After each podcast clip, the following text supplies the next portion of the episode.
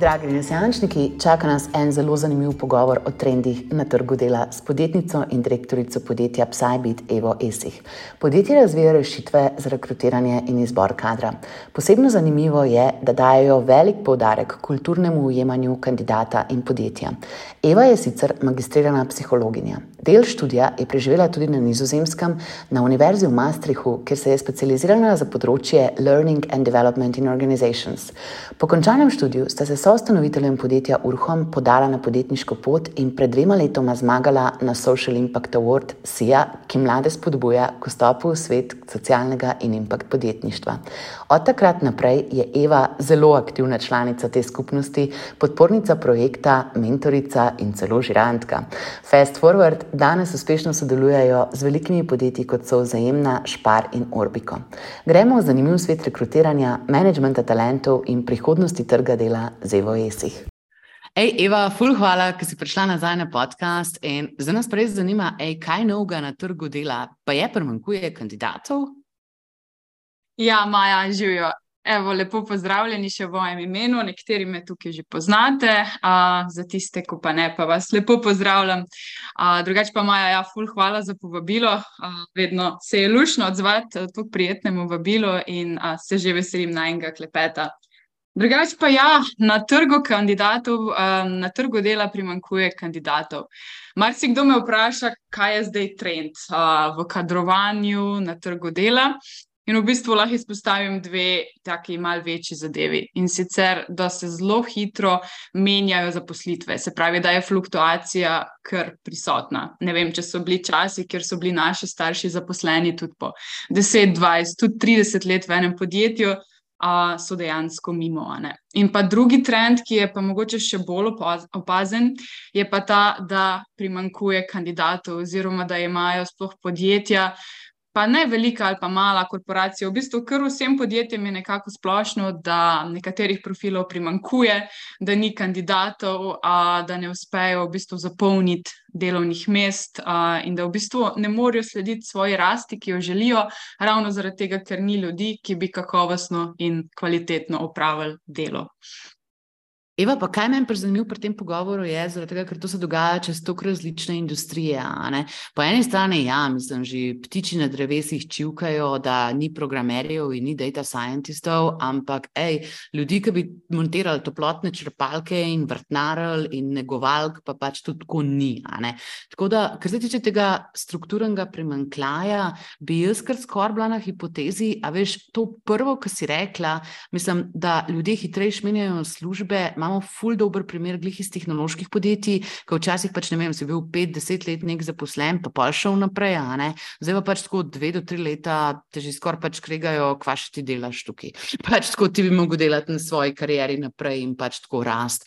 In po drugi strani, ej, ta primaren razmislek, ki sem ga imela kot refleksijo na to, kar si povedala, je pa to, a veš, da eni poklici so pa enostavno deficitni in to je pa meni zelo, zelo, mm. zelo hoditi za rešiti. In zdaj ne vem, mislim, tako, kad delaš ti s podjetji, kot so, ne vem, Špark, rab, verjetno vse sorte, pa Orbiko, tudi verjetno rab vse sorte. Tako, kako vidiš, da se te zadeve spreminjajo od poklica do poklica? Mm -hmm.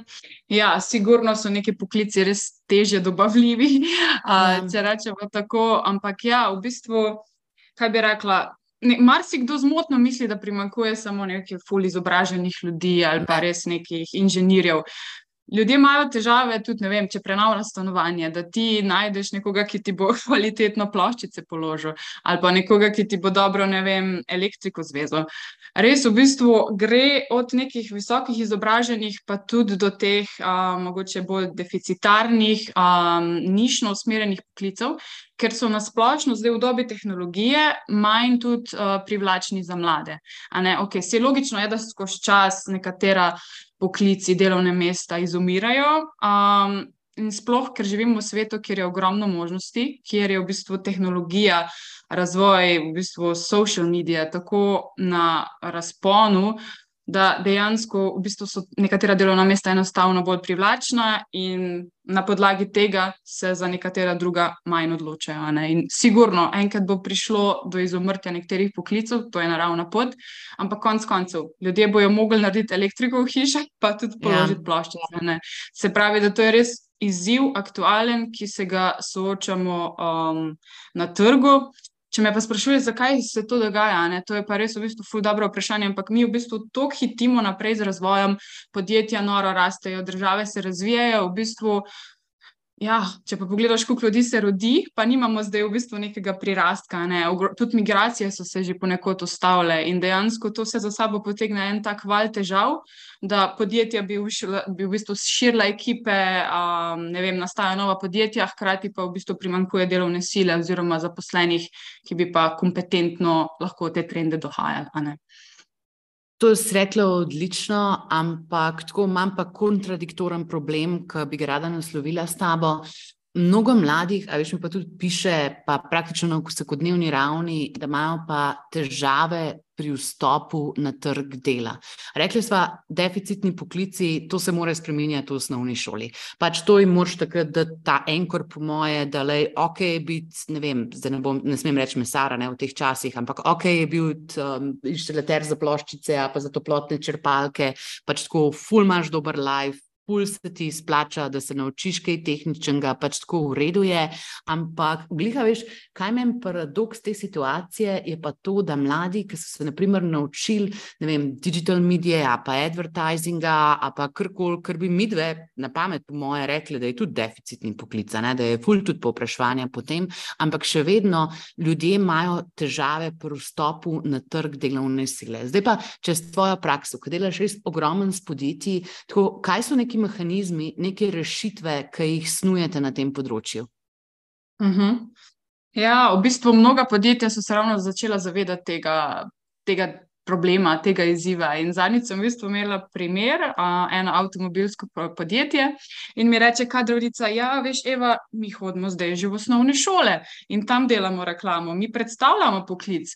Ker marsikdo si misli, recimo, šlo je za primer mehanika da je to, ne vem, umazano delo, da cele dneve šraufaš po avtih, po domače povedan, da si cel poten in umazan, ampak dejansko gre v osnovi za zmoto, ker verjetno najverjetneje, ne vem, bo 95% ljudi pomisli, ko rečemo mehanik, da je nekdo, ne vem, neizobražen, nekdo, ki pač šraufa po avtih, ampak v osnovi zdaj se je tehnologija tako razvila, da v bistvu zdaj mehaniki so v bistvu že robotiki, upravljajo gumbe, delajo z elektroniko in v bistvu to je zelo fancy poklic, ki hkrati je v bistvu lahko zelo zanimiv, pa še ogromno denarja ti prinese in še ogromno si iskanta. In mnoga podjetja so že začela v bistvu delati ta shift, se pravi. Kako se predstavljati mladim, kako v bistvu jih privlačiti, kaj jim ponuditi. Ker tudi to, ne, mogoče so se, oziroma sigurno so se prioritete, želje, um, to, kar mlade zanima, to, kar mlade potegne, spremenili. In edino pravilno je, da podjetja stopijo v stik temu, da se prilagodijo in dajo to, kar mladi iščejo. Ne? In ja, ogromno je tudi podjetij, ki hodijo na karierne sejme, na fakultete. Uh, zadnjič mi je ena rekla: Ja, veš, Eva, mi že vse elektrotehnike. Polovimo na faksu. Ne. Se pravi, vse ja. tudi podjetja zavedajo tega problema, in uh, v bistvu smo že na točki, kjer ne da je zdaj trg podjetij, ampak zdaj je trg kandidatov in podjetja se zdaj trudijo za to, da sploh koga dobijo. Ne. Če so bili časi, kjer vem, je bilo tudi po 100, 200, 300 prijav na neko delovno mesto, bili vem, še par let nazaj tukaj, so v bistvu zdaj časi, kjer mogoče je par prijav oziroma kjer podjetja hantajo zaposlene. Ne. To mi je pa tako zanimivo. A bi nam lahko povedala še nekaj več o tem, na kaj treba biti pozoren, ko rekrutiraš mlade? Tole stvar, o katero sem se specifično zapičila, je sprememba vrednot oziroma trg kandidatov. Tako da, kaj so tiste stvari, ki mogoče palijo, da še vedno dobiš kader? Mm. Ja, v bistvu marsikdo misli, da ja, se če dobro plačam, bom jaz privabil pri, pri, pri mlade. Ampak v bistvu ni več tako. Dejansko sploh mlade generacije, ne vem, generacija milenicev oziroma zdaj še mlajše generacije z. V bistvu zelo veliko dajo na sam smisel, na trajnost, da se poizpovetijo z podjetji.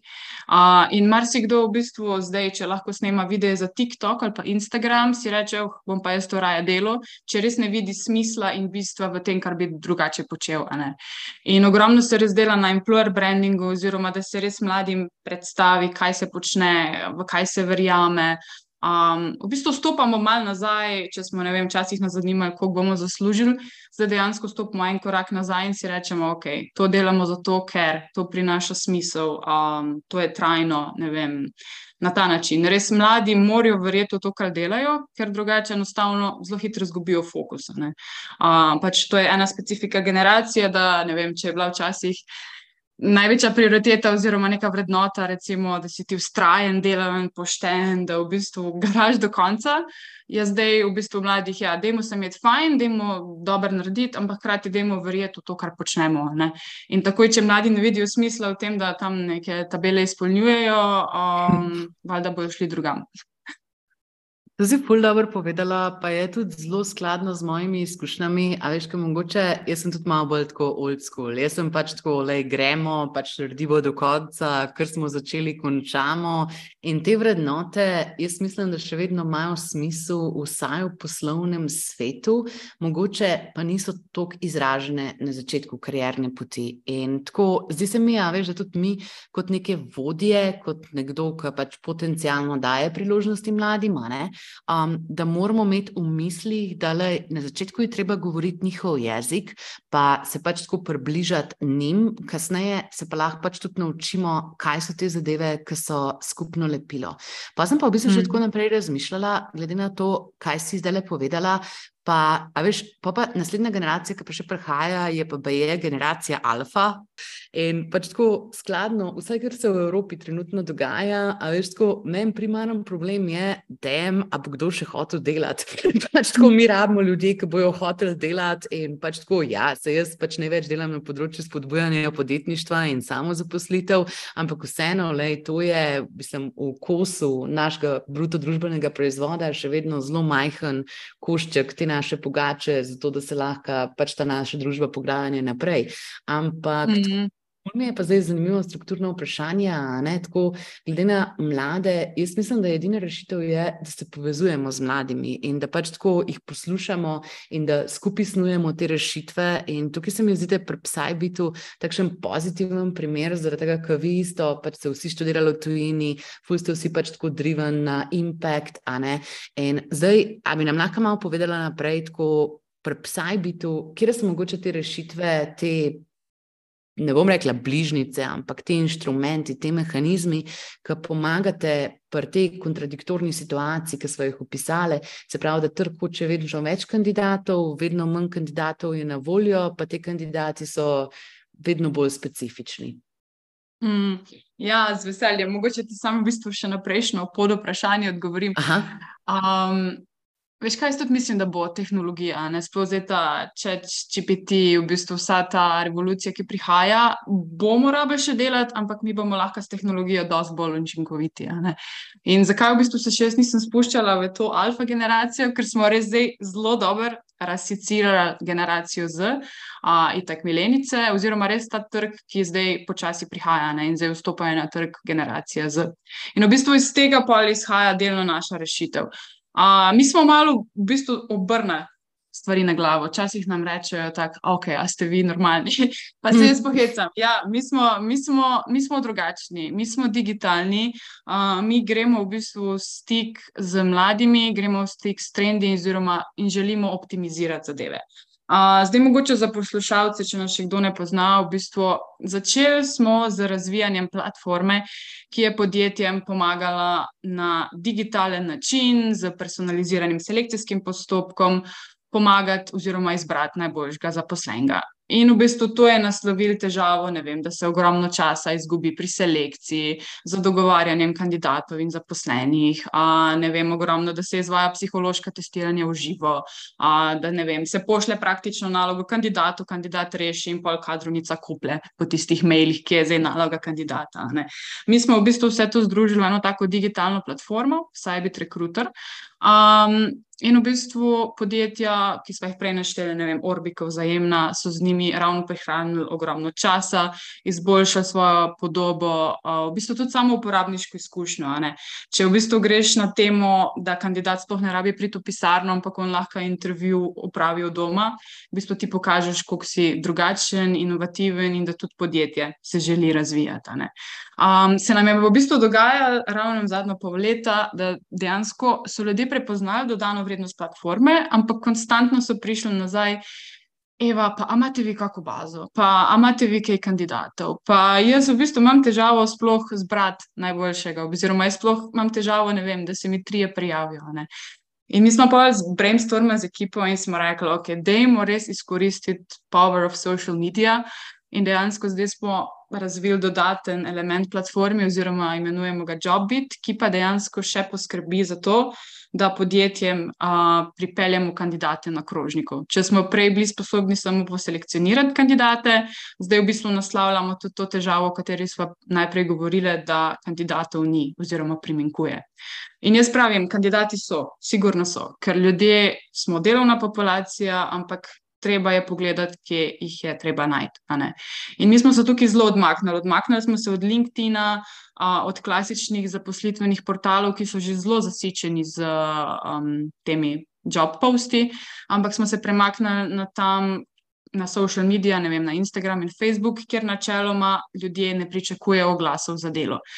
Uh, in v bistvu mi smo še, še dvakrat obrnili zadevo na glavo, če so vem, klasični selekcijski postopki. Ja. Če želite, se prijavite, pošljite CV, pošljite vem, vašo motivacijsko. Mi smo rekli, gremo stran od tega. Noben nima več časa prilagajati motivacijskih pisem, updateati CV-ov. Dajmo to tako narediti, da mogoče nekdo, ki ima službo, pa ki je zaposlen, ampak mogoče odprt za neke poslovne priložnosti, da lahko on to naredi zvečer, ko gleda serijo, je čips, pa se zraven še prijavi. Tako gre v bistvu ta naša nova rešitev, je zasnovana tako, da dejansko naslavljamo pasivne iskalce zaposlitve. Vse, ki so v bistvu na social medijih, in gremo res na to foro, da dajemo kandidatom neko vrednost. Se pravi, ne zahtevamo motivacijskih, ne zahtevamo v bistvu CV-jev, ampak enostavno se kandidati prijavijo z klikom na link z parimi vsebinskimi vprašanji, ki jih uskladimo z našim naročnikom, in potem, če je meč, tudi oseba dobi na mail povratno informacijo, da je meč, uh, kaj v bistvu, kje so plusi, kje so minusi. Tako da res gremo na nek tak personaliziran pristop, ki naslavlja te pasivne iskalce zaposlitve, in na ta način v bistvu se mi zdaj spopadamo um, na to vprašanje oziroma na to težavo podjetij, da kandidatov ni. Preden nadaljujemo z epizodo, pa samo še eno kratko obvestilo. Če imaš podjetniško idejo s pozitivnim učinkom na družbo in okolje, in če je vsaj en član tvoje ekipe mlajši od 30 let, potem te vabim, da se prijaviš na mednarodno tekmovanje Social Impact Award CIA, ki mlade spodbuja k stopu v svet socialnega in impact podjetništva. Program organizira Slovenska agencija za mlade v sodelovanju z Impact Hubom Ljubljana. Zmagovalce čakajo finančna nagrada v višini 1500 evrov, mentorstvo in inkubacija ter odlična mreženska, medijska in mentorska podpora. Ena izmed mentoric in žiran pa sem tudi jaz. Sijo sodelujem že tretje leto in ta projekt res podpiram z vsem svojim srcem. Prijavi se lahko do 9. junija 2023 na povezavi za prijave, ki je v opisu te epizode. Pohiti s prijavo, jaz že na polno navijam za te, pa se slišmo. Nekot prvo, najbolj mi je bilo všeč ki si rekla, veš, da dejansko popravljate te probleme, ki jih imajo ljudje v realnem življenju. Meni je mama enkrat ful dobro rekla, pač kateri mizi gre na takrah. Tisti, ki je polna, a tisti, ki je prazna. In miza, ki je polna, ki so eni taki res preči problemi, ki jih lahko zadovoljiš. Jaz mislim, da je to ta veš, kot naša podjetniška moralna dolžnost, da rešuješ tisto, kar ti trg izraz, da je preče. Tudi najboljši produkt, market fit, ampak um, definitivno en takšen signal, v katerega se nagibaš. Tako da ta pivot oziroma to dodatno storitev jaz totalno, totalno, totalno podpiram. Pa mi pa bilo trigger, tako da besedno sem bila trigger, ker si rekla, gleda serijo in je čips, to, to mi ni bilo všeč, to pač jaz ne podpiram tega življenjskega stila. jaz sem pa za to, da ljudje berejo knjige in da delajo na sebi, ampak ok, bojo tudi to še, potem, ko bodo dobili eno tako jačo motivacijo v življenju. Uh, pa pa sem še ta tretja stvar, ki sem jo zdaj tudi v sklopu tega, kar si mi povedala, pač tako ta nepričakovan oziroma pasiven talent pool, to je noro. Ne? Zato jaz imam tudi, a veš, tako podobno platformo tam v Growth Hacking Slovenija, ki ima trenutno že cirka 9000 članov in pač tako vsi pohvalijo, wow, kaj jaz objavim, sem dejansko dobim prijave. Ne? In rečem, da so pač tradicionalni portali mrtvi, ampak ful se strinjam s to vašo hipotezo, s to vašo domnevo, da pač ljudje, lej, mislim, jaz ne morem biti vsak dan, kot če nepremičnino iščem, ne bom glik vsak dan odpirala tistih novičnikov in pogledala vsega. Pomembno mi je, kadar je ena taka dobra priložnost, targetirana za me in takrat sem jaz pripravljena razmisliti. In ta vaša rešitev, da ste zreducirali frikcijo do tega nivoja, da pač enostavno ugotovite, če je fit ali ni fit, in se pač pol vsi ne zafrkavamo cele vikende s kakšnim reševanjem nalog, pa s takimi testiranji, mi je krasna. Pol mi je pa tudi dober, a veš, zaradi tega, ker si rekla, da vedno vsak dobi feedback, ker točno to se mi pa zdi tisto osnovno dostojanstvo, ker si ne moramo več pravoščati, da ga ne bi delali v teh pogojih, ki jih imamo trenutno. Zaradi tega, ker če bo en do mene slab na razgovoru, pač tako na, bi bo naredil neumen vtis, pa mi ne bo niti mm. odgovoril stvari. Pa jaz se ne bom nikoli več prijavila na delovna mesta tega podjetja in bom vsem kolegom povedala, pač tako, kjer bom Dumberki so, pač tako, kako to ne bo šlo, pač kako je to bedno, pač izkušnja tam, bom pač to definitivno delila. In tako no. Ful, ful, ful, ful. Zdaj sem kar malo reflektirala to, kar si ti povedala, ampak tako point je, da jaz definitivno mislim, da ste on to something. A imate tudi kakšne dokaze, da to, kar ste naredili, deluje? Uh mhm. -huh. Ja, v bistvu imamo a, ravno mesec, oziroma ne, malo več nazaj, smo v bistvu za sebe iskali prodajnika in mi smo sprobali enega od teh klasičnih a, portalov, kjer smo mi dali pač job a, position, kaj mi iščemo in ne vem, tam smo dobili deset prijav. Ko smo pa šli narediti po naši tehnologiji, po usmerjenem targetiranju uh, na pravih profilih. Smo recimo zbrali 126 kandidatov, se je prijavilo, v bistvu Thanks. odgovorili na 10 vprašanj. Um, 126 ljudi je na koncu postil uporabniško, mislim, ime, priimek, podatke, kontaktne, e-mail in kontakt, in v polu v bistvu z njimi smo kar šli naprej v selekcijo. Seveda, pogledali prijave, pogledali top kandidate in potem v bistvu njim kar poslali naprej um, link do tega našega ocenjevalnega centra, kjer pa ljudi še potestiramo. Ne. In ravno tudi zdaj smo v bistvu ravno eno kampanjo pripravljamo tudi za kuharja na Krku, recimo, pa iskali smo že oziroma iščemo um, elektrotehnika programerja, tako da se res v bistvu za najrazličnejše profile uh, želimo zdaj poglobiti da tudi vidimo, kje zdaj zadeva je pa res preverjena in kje lahko jaz dostavim top kandidate. Ne? Ker ne želim prodajati nekaj, če vem, da mogoče ne morem dostaviti. Ampak ja, recimo na primeru prodajnika a, vidimo, da je bil izkupiček desetkrat večji kot na nekem navadnem portalu. Ne? Tako pa ima ful jasno logiko, zaradi tega, ker je go where the audiences, se pravi, greš tja, kjer je dejansko pozornost ljudi, pa prilagodiš messaging oziroma kako predaš to sporočilo. Jaz si predstavljam, da je to smer, da poveš kakšno prednost za kandidate, a ne? Točno tako. Ja, v bistvu sploh ni, kaj firma išče, ampak že takoj se izpostavi, kaj kandidat dobi, kakšne so bonitete. Uh, res gre na to že samo besedilo, ne vem, preveri, ali tebi to delovno mesto ustreza, ne ali ti ustrezaš njim. Se pravi, res gre na ta, kako bi rekla, candidate experience, izkušnjo uh, in minimiziramo to, ko ne vem, če pogledaš na te portale in potem piše, podjetje išče to, pa to, pa to, pa to, pa to, pa to. Kar že v bistvu malo odvrne zaposlene, ker si mogoče kdo reče, kaj pa če nisem pravi fit. Ne? In marsikdo pa tudi reče, joj, sam, a to samo na mladih deluje. Pa jaz rečem, ja, ne, a samo mladi, uporabljajo social medije. Okay, mogoče Instagram, ampak ker uporabljamo tudi Facebook.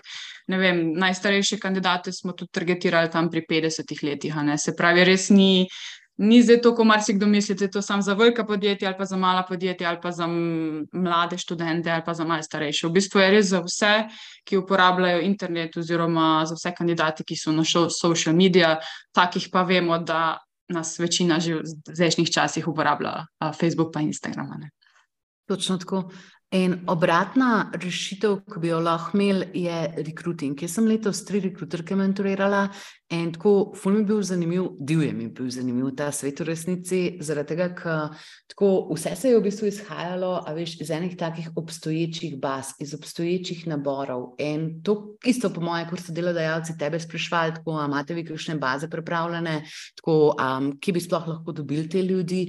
Meni se zdi toliko boljš res bazen razširiti, še posebej, če je to majhen bazen, pa tam narediti maksimalno, kar lahko, pa pač tako biti empatičen do teh potreb ki jih imajo kandidati, kot kar nasprotno, a veš, da operiramo tam z nekim imenikom nekih 300 ljudi in pač tako vidimo, če bo kdo pač prstov na to vabo, ki smo jo dali v vodo. Ne vem, zakaj imam danes ja. take morske primerjave. Se ti kaj morske hrane lušta.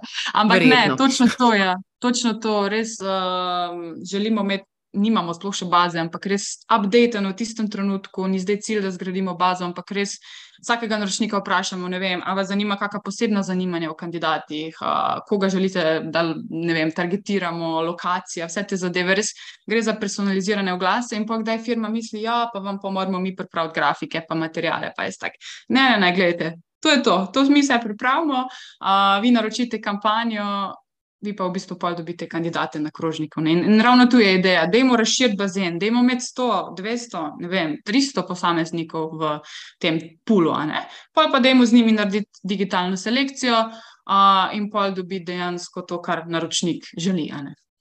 Ma absolutno smisel, pa tudi s to aktivacijo pasivnih kandidatov, ki si prej rekla, tako jaz mislim, da se res na nečem, ki je potencialno lahko zelo, zelo, zelo, zelo, zelo pomembno. Ej, pa pa Eva, ti moram zaupati samo še eno svojo zelo krinč izkušnjo iz Nizozemske. To se boš ti pač definitivno smejala, ker si bila tudi tam, pa si delala tam, pa si mogoče tudi to delala, ker se je meni naredil. Mene so enkrat povabili, pač, ko sem bila na eni firmi na Nizozemskem, ker sem tam gor imela profesionalno usposabljanje. In tako pač oni so mene povabili na ta culture fit intervju. In jaz pač tako nisem vedela, kaj je to, kako se lahko to prepravim, ali lahko to sploh pač kaj tako vplivaš na to, a to pač is what it is. In mene, Eva, jaz presežem, mene so pač tako šetel po celi firmi in sem se mogla z desetimi ljudmi pogovarjati, najbolj random shit, kar jim je prišlo na pamet.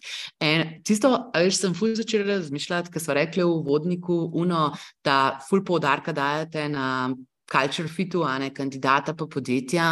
Tako, jaz sem zihar, da ta firma tega ni naredila dobro, da te kar pač tako pred neke zaposlene pošljajo in da pol ti nekaj pričaš in pijaš kave tam.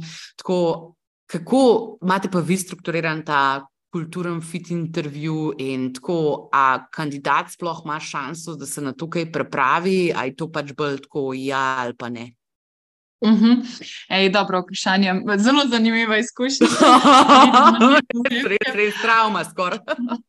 Ampak ne, v bistvu mogoče za začetek. Ja, um, kandidati se na to ne rabijo sploh pripravljati. Ker jaz vedno pravim, da najboljše, ko mi odgovarjamo, oziroma tudi če to poteka v živo, je, da si ti iskren. Ker recimo, če ti praviš, vem, da ti paše, da delaš tudi čez vikend, ker mogoče tvoje bodoče podjetje to želi, ampak ti v resnici pa tega absolutno ne želiš. Ne ti, ne podjetje, če se boš tam zaposlil, ne bo srečen. Ne? In mi smo tu v bistvu spet malo obrnili stvari na glavo. Uh, mi v bistvu za vsakega naročnika preden naredimo, oziroma kako bi rekla, pripravimo ta culture fit vprašalnik, se usedemo z naročnikom in jih vprašamo, kaj je pomembno. In ravno na tej točki želimo vključiti od kadrovnice, tudi direktorja, do vodij oddelka, ker bo oseba delala. Res gremo probati res razširiti zgodbo. In da se ti ljudje alajnajo na to, kar iščejo. Uh, in dejansko mi za vsako firmo posebej customiziramo ta culture fit vprašalnik, glede na to, kaj iščejo, In čist ločeno od firme, iste vprašanja zastavimo kandidatom. In dejansko kandidati sploh ne vejo, kaj firma želi, kaj firma hoče, se pravi, ni tega bajast ocenjevanja. Ne vem, um, jo, ali lahko jaz delam doma ali ne, pa vem, da eno firmo pa ne pusti delati doma. Res to je čist ločeno. Se pravi, najboljše je, in to tudi kandidatom povemo, razmišljite, kaj vi želite, kaj uh, vam prinaša zadovoljstvo, kakšno delovno okolje bi si vi želeli. In potem, ker v bistvu res čist razmejimo vprašanja, ki jih vprašamo podjetja uh, in vprašanja, ki grejo intervjujejo kandidatom, čeprav za isto vsebino, lahko dost lepo reguliramo ta culture fit. Zdaj, recimo, karikiram, ne vem. Podjetje mi reče, Eva, mi pa ne pustimo delo od doma. Okay, če še kako podjetje, recimo, to ne pusti, ampak recimo oh, ja. rečejo, mi ne pustimo delati doma uh, in ne vem, delo bo čez vikend. In mogoče bi ta kandidat na nekem intervjuju, ko bi bil s kadrovnico v živo, uh, bi ga kadrovnica mogoče vprašala, ja, a bi te motil, uh, da bi delo čez vikend. Iz, že iz tega vprašanja lahko oseba zazna, da je zaželjeno, da se dela čez vikend. Medtem, ker če v bistvu kandidat to rešuje ločeno od podjetja, se pravi, sploh nima stika s podjetjem, se res lahko neodvisno in ne bajast izračunajo indeksi ujemanja. In recimo kandidat pa pol odgovori, da on si pa želi trikrat na teden delati od doma, pa želi si recimo imeti fraj vikende. Uh, in recimo, če je tem podjetju delo od doma, pa prosto m, čez vikende, recimo kritičen dejavnik, v bistvu ta kandidat na indeksu ujemanja dobi zelo nizek fit. Ne? To ne pomeni, da kandidat ni slab, ampak to pomeni, da kandidat se ne bo ojel oziroma ne bo se vklopil v kulturo, kot bi se mogoče kater drug kandidat. In pa v bistvu še iz tega naslovimo drugo težavo, recimo, če podjetja zaposlijo kandidate z nizkim kalčnim fitom, to tudi pomeni, da bo pač oseba nezadovoljna in da bo dost verjetno prešla. In dejansko ravno to pa hočemo povdariti. Ni priprav, uh, ne fejkat, bo to, kar si in odgovor. To, kar si želiš. Sploh zdaj, ko je ogromno opcij, ogromno možnosti, res um, zaposli se v bistvu tam, kjer ti je fino, ne pa tam, kjer v bistvu nekaj fejkaš, pa želiš, da, bi, da boš uspel v tisti kulturi, ker ti tako slejko prej v bistvu boš pa ločil, ker boš ugotovil, da ti ni všeč. Tako da ja, na tak način smo se mi pa to lotili, da dejansko personaliziramo culture fit vprašalnik do neke mere. Podjetja lahko dajo čist custom made vprašanja, ne vem, um, neko specifično znanje oziroma res, kar je njim tam pomembno, vem, če lahko pse pa mačke pripeljejo recimo v pisarno. Um, to se da v bistvu vse noter v platformo in dejansko res, res gre za personaliziran urodje, kljub temu, da je produkt, ampak res prilagajamo se naročnikom. Ne, pa jaz bi te zelo zaupala, zaradi tega, ker A veš, vseeno imaš tako neko znanje, da mogoče take napake, kot si rekla, psi in mačke. Jaz rekla tako, ja, ja, ja, ja why not, pač tako navdušila sem bila na to idejo, ampak a mi je to res pogoj, da bi se jaz neko firmo ujela, ja, verjetno minino. Mislim, da se ti pes je tudi pač zmožen nekih devet ur sam počakati, se pač lahko to naučimo. In po mojem je to, a veš, uravnoteženje teh različnih dejavnikov, pa ta bolj znanstveni pristop do te metode, meni je to toliko bolj pomembno, kot kar večino stvari, ki sem jih jaz pač vsaj pri manjših podjetjih zaznala, je, da v bistvu kultura firme je podaljšek neke osebnosti ustanovitelja podjetja. In kultura posameznika uh -huh. je skoraj enačaj od kulture podjetja, vsaj pač v zgodnih fazah. Kasneje verjamem, da se da na tem toliko več narediti, da je pač tako več ljudi, da se te individualni vplivi malo zameglijo, ampak čisto iz vidika definiranosti kulture, pa imaš vsaj na slovenskem trgu tukaj le kakšen feedback, koliko smo mi sofisticirani na tem področju, ne vem, ali rišemo igrice, kira žival si, ki imamo vprašanje, kaj je kultura firme, ali se že bolj znanstvene metode uporabljajo not. Ja, v bistvu na trgu je dosti ponudnikov, ki se lotevajo tega izziva oziroma ocenjevanja kulture na različen način. Uh, jaz, kot psihologinja, no, moram reči, da imam kar visok eh, nivo ja. oziroma kriterij, kaj je v bistvu znanstveno, kaj je veljavno. Uh, ker tudi na samem faksu so res podarjali to, da niso pa vsi testi ok. Ne? In ravno ne vem, ta primer, recimo, ne vem če te moti, da kdo pripelje mačko, pa psa v firmo. To je v bistvu samo mogoče eno izmed vprašanj, ki sploh ne sme biti tako veliko obteženo, da bi lahko izkrivil rezultat. Res dobro je treba poznati, kaj vpliva na job fit, kaj vpliva na kulturo. A, v bistvu v zadju so študije, recimo v našem primeru, ko smo jih naredili za Univerzo v Ljubljani, z oddelkom za statistiko, metodologijo. V bistvu tudi del te ideje izhaja že iz um, Nizozemske, kjer smo študirali, in gre za res nek sklop preverjenih dejavnikov. In pa v bistvu tudi nas podjetja dosti pri tem. Kaj bi rekla, upoštevajo. Ni zdaj tako, da bi pa lahko kar podjetje reklo, da je če bo kdo pripeljal psa, pa mačko, je najpomembnejša stvar. Mi v bistvu rangiramo, kaj je res izključno, kar pa ni. Uh, ampak marsikdo od ponudnikov oziroma ja, težko bi zdaj trdila, da niso kvalitetni, ampak vsak se loteva to na nek specifičen način, uh, kar pa meni kot uh, strokovnjaku na tem področju je res pomembno. Recimo, če so narejene študije, če so validirane vprašanja, če so izračunani faktorski modeli, um, to je pa tisto, kar šteje. Ne? Sama vprašanja, struktura, kaj meriš to v bistvu je res up to vsakega posameznika.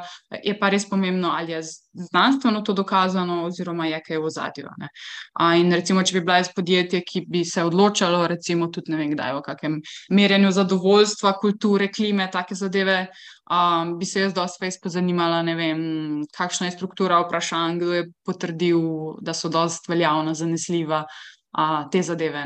Uh, verjamem pa, da kdaj mogoče kot vem, recimo, si kadrovnica v nekem podjetju, pa ti reče direktor, ja, zdaj pa ti zber ponudnika in pa v bistvu zapadeš v poplavo, če smo pri morju ali pa v morje a, in ti moraš pravo kapljico iz morja zbrati, je pa v bistvu kar velik izzivane.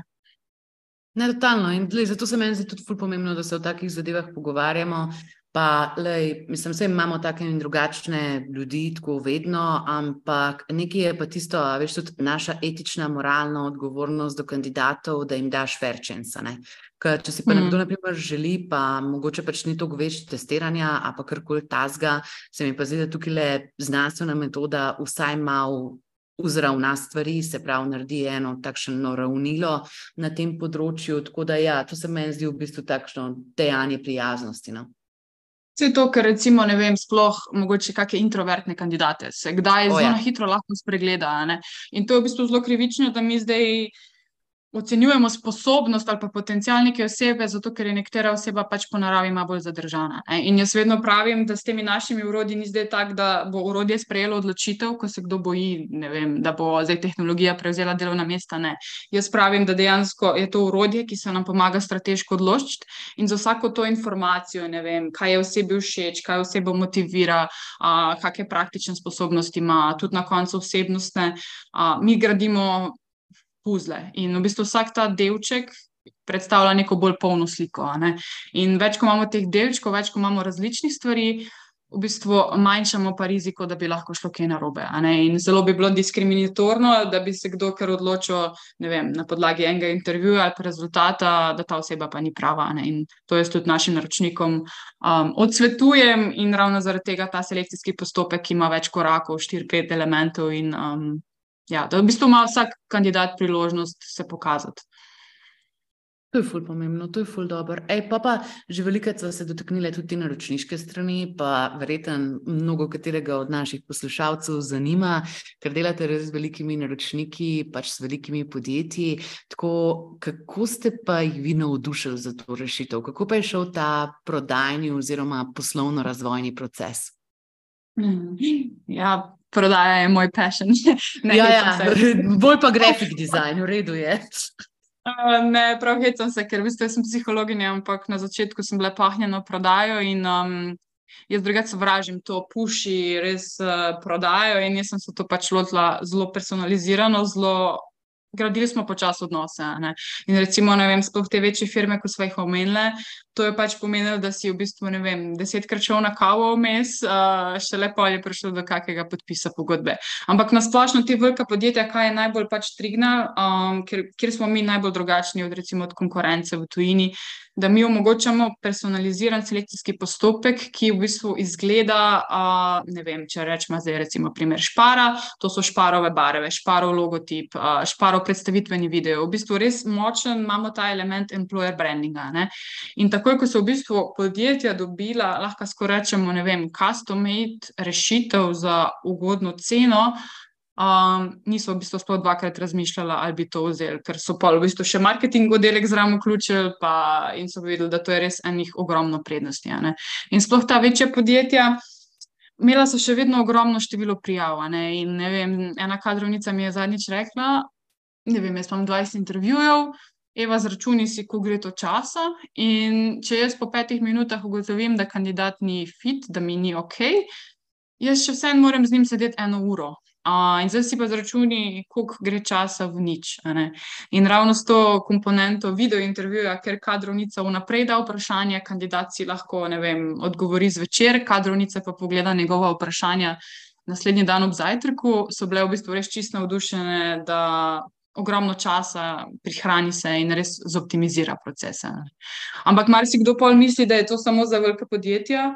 V bistvu sploh ne, um, ker v bistvu prilagajamo tako ceno, vsebino in smo tudi dosegljivi do za majhna podjetja. Ne vem, zdaj najmanjše podjetje, s katerim sodelujemo, ima recimo 25 zaposlenih um, in čist super zadeva tudi deluje na v bistvu nekih manjših podjetij. Naša ideja na začetku je bila tako, sploh ne gremo na velike, sploh ne gremo na korporacije, ampak pa smo videli, da v bistvu njih smo najprej trignali. Um, zakaj smo pa recimo malo na manjšo žogo v bistvu na začetku skočili, ker smo rekli, da ja, velike organizacije, ogromni procesi, da sploh pride zraven. Um, gremo v bistvu ja, mogoče malo na manjše stranke, uh, pa ko si pa zgradiš ime, imaš kaj stadije, pa, pa greš uh, še na večje. Ampak v bistvu ja, mi smo začeli z velikimi, zdaj pa v bistvu velikost nam je irrelevantna. Lahko je veliko, lahko je majhno, srednje, mikro, karkoli. Kaj bi rekla, da je skupen imenovalec teh strank, ki jih vi najbolj zadovoljujete s svojo rešitvijo? Tako, a imaš kakšno tako hipotezo o vašem ICP-ju, o vaši idealni stranki? Tako, a so to podjetja, ki so mogoče malo bolj progresivna v HR procesu, tako, če ni vezano na velikost podjetja ali pa naprimer na panogo, v kateri je, tako, kaj pa je tisto lepilo? Tako, kdaj pa ti na sestanku veš, da ta človek na drugi strani mize, da je dober fit za vas? Mm. Ja, v bistvu vsa ta podjetja so začela uporabljati bolj kot ne, v bistvu, ko smo imeli samo urodje za poselekcionirati. In tam je bil v bistvu ta fit, res, ker je bilo ogromno kandidatov, ker je mhm. bilo prijav in ker recimo neki organizacijski procesi ne potekajo zelo tako optimalno, kot bi lahko. Zdaj je pa največje lepilo, uh, je pa v bistvu, če ti nekomu rečeš, gledajte, s personaliziranim glasom bomo ne vem, tega, pa tega, pa tega, pa tega pobrali. Um, to jih pa res ful privlači, oziroma res, re, res se vidi, da je res painful, velik, da ni kandidatov. In takoj, ko ti umeniš, da lahko pripelješ in potem še potestiraš, uh, to je pa v bistvu pa res za njih. Ampak nasplošno, ja, recimo zdaj razmišljam, ampak tudi, recimo, kakšna manjša podjetja, srednje velika podjetja, kjer mogoče pa nimajo toliko, um, kako bi rekla, velikih kadrovskih oddelkov. Zelo pogost pattern je, recimo, vem, da je recimo samo ena kadrovnica v podjetju in skrbi za 150-200 zaposlenih in dela vse, od plač do administracije, do treningov, do pogodb dejansko njim najbolj vidim, da se jim zasveti oči, da ne rabijo nekaj v bistvu narediti same, oziroma da jih lahko naše urodje odnese del uh, njenih nalog. In te osebe potem res. Um, Takoj so za, takoj grejo v akcijo, in prav vidi se, da jim odnesemo neko breme iz ramena. Ne. Ampak v teh večjih korporacijah, pa tako sem rekla, v bistvu prihranek časa, kljub temu, da so veliki oddelki zelo kadrovski razviti, tam pa v bistvu, kako bi rekla, druge stvari rešujemo. Ne. Meni se zdi zelo pametna ta pot, ki ste jo obrali, zaradi tega, ker mislim, če je rešitev dosti dobra za špar, pa vzajemno, pa pač res tako ogromna podjetja, pa pač verjetno imate neke kompetence in ste prestali ta strokovni test, da lahko zadovoljujete tudi zelo kompleksne probleme. Zdaj pa mogoče glih ob tem pivotu, a ne, ki imate še na strani rekrutiranja oziroma pridobivanja kandidatov, se pa mogoče tačna persona tudi spremenila. Tako da ja, zdaj, ki si mi to razložila, te fulbo boljš razumem, da morda bo pa še kakšen drug tip podjetja prišel, ki bo strateško pomemben v vaši prihodnosti. Ja, sigurno. Zdaj, če govorim mogoče iz zadnjih, ne vem, 50 sestankov, so to po večini manjša podjetja, tak nekje do 50 zaposlenih, um, kjer imajo primernega kadra, so jim pa recimo navadne kadrovske headhunting agencije predrage, ker si jih ne morejo privoščiti. Ne? Uh, tako da v bistvu tu je res ta shift s to job bit rešitvijo, ker še poiščemo zaposlene, um, sploh lahko zdaj. Neke manjše firme še lažje v bistvu navdušimo, ker če so nam prej rekli, da ja, nimamo kandidatov, je pa zdaj vsaka firma tako za, če jih naberemo sto, da jih še pa potem pa selekcioniramo. Garec. Ne, tako, vsaka več rešitev ima svoj produkt market fit in tukaj sta marketa v bistvu različna, različne potrebe. Pa mogoče tudi Veš, tako, ene industrije so malo bolj seksi. Pač tako, vsi poznamo špar, vsi poznamo pač te, te velike znamke, ki smo imeli, če ne drugega, kot potrošniki, stik z njimi. Ampak pa, pa ogromno slovenskega gospodarstva so pa tudi pač tako malo bolj nišna podjetja, ki mogoče pač iščejo ljudi, ki znajo s kovinami delati ali pa karkoli tasga. In ja, tukaj pa mogoče, veš, tudi te firme historično ne vlagajo, oziroma tudi ni bilo smisla, da bi veliko vlagali v employer branding, pa v svojo prepoznavnost. Tako da, ja, klep samo biti zabavno. No. Mislim, to držim me v lupu, zaradi tega, ker to z veseljem spremljala. Ampak, ej, da gremo mi naprej. Tako le, a veš, to še vedno je pogovor o podjetništvu.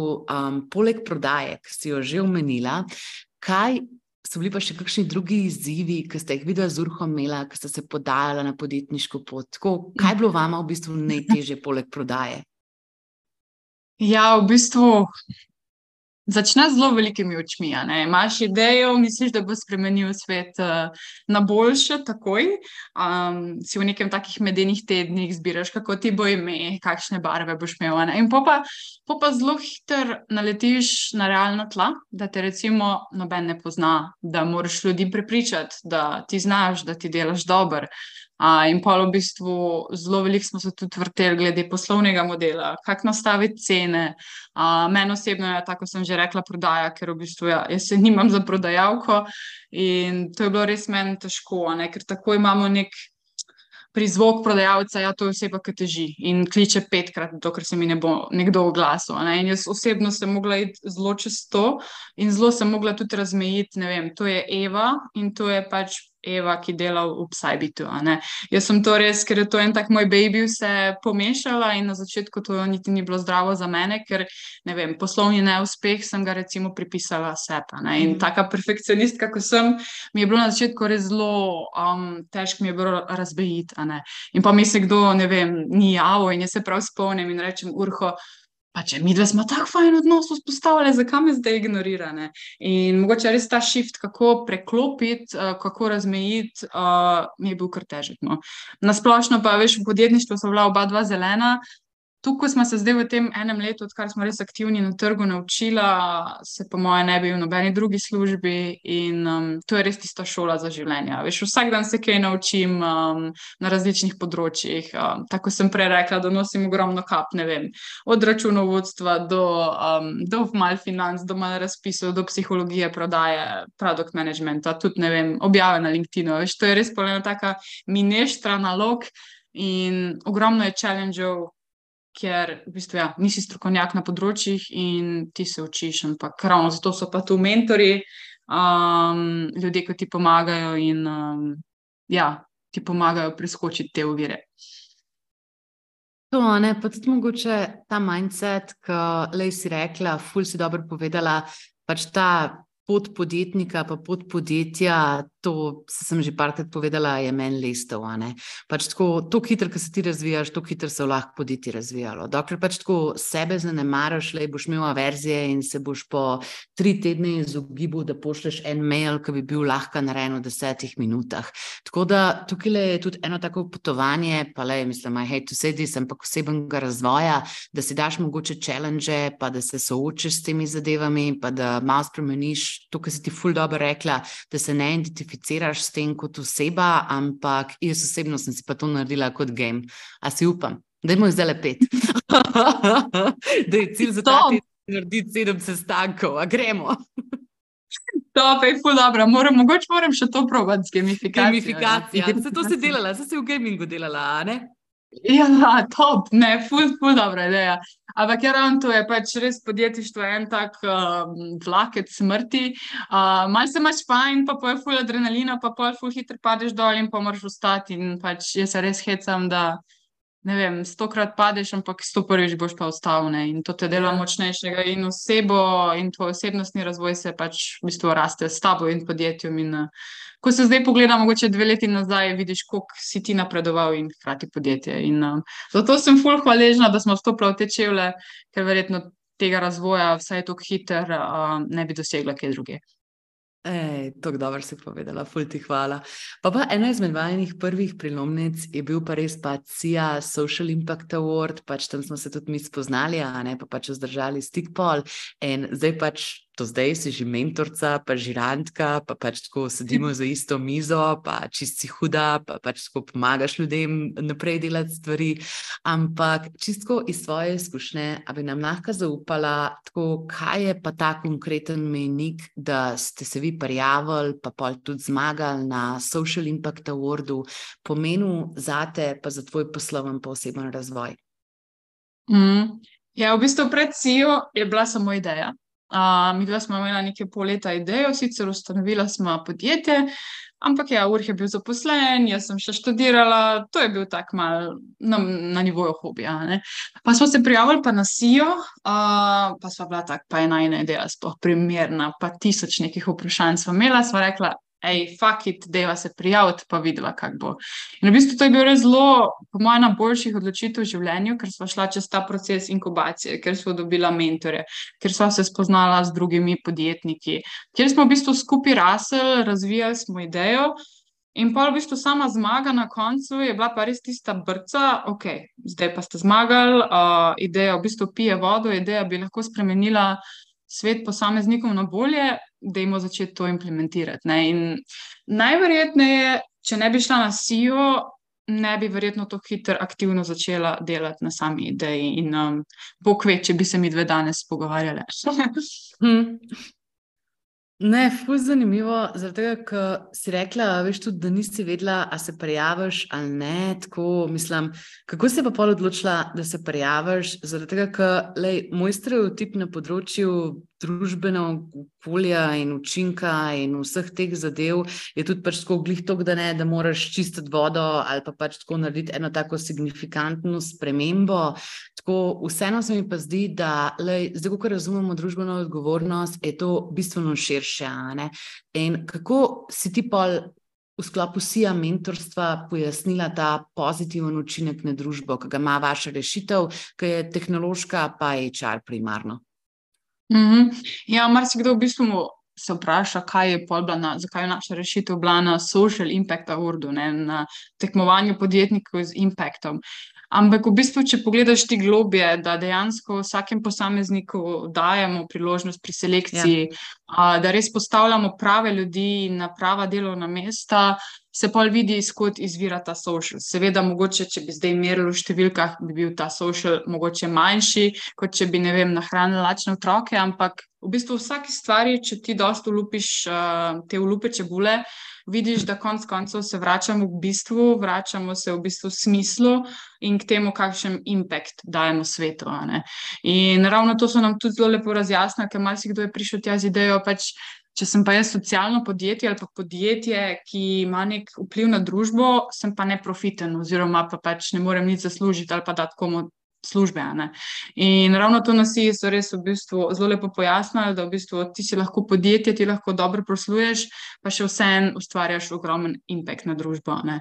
In sploh zraven, ko smo priključili še digitalizacijo, smo videli, kako smo tudi razbremenili kadrovnice in nasplošno pač pripomorili k nekem razvoju širše družbe ne? z neko digitalno rešitvijo. Meni se zdi to dobro, zaradi tega, ker veš, tako denar pa pozitiven vpliv v mojem svetu nikoli nista bila trade-offa.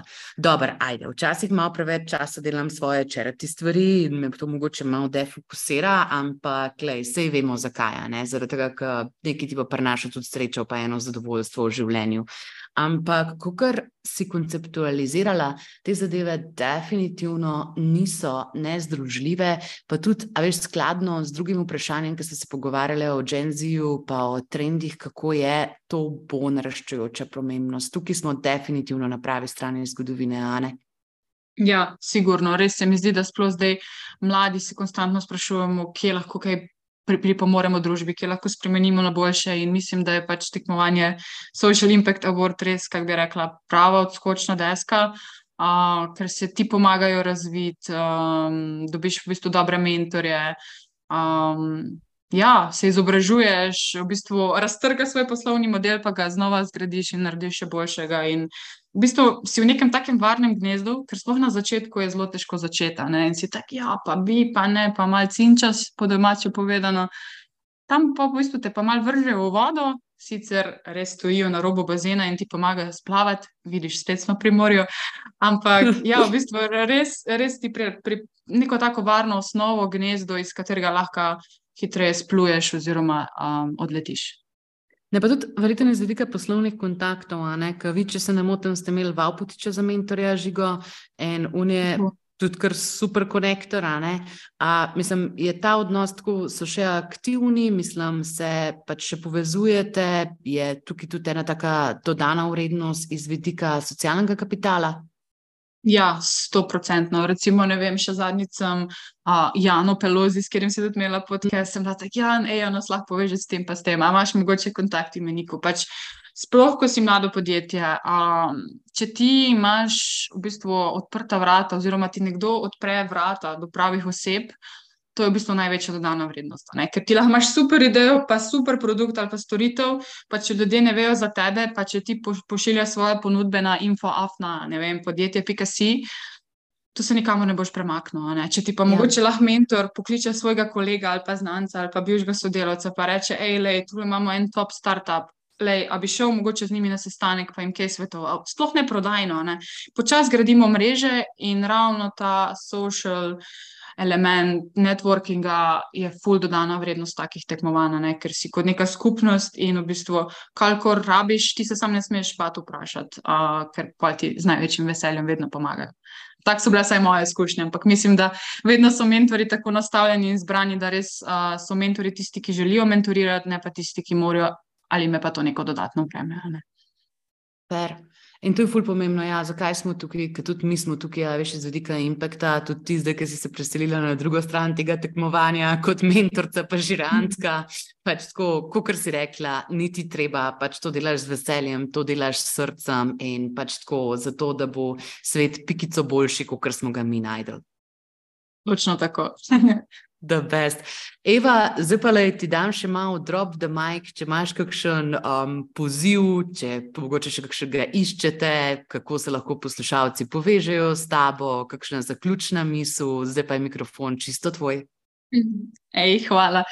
Ja, v bistvu najprej bi naslovila a, mlade podjetnike. Če ima mogoče kdo kakšno vprašanje, če ga karkoli zanima, sem jaz res ful odprta in vam lahko v bistvu povem iz prve roke, kako je stopiti v čevlje podjetništva.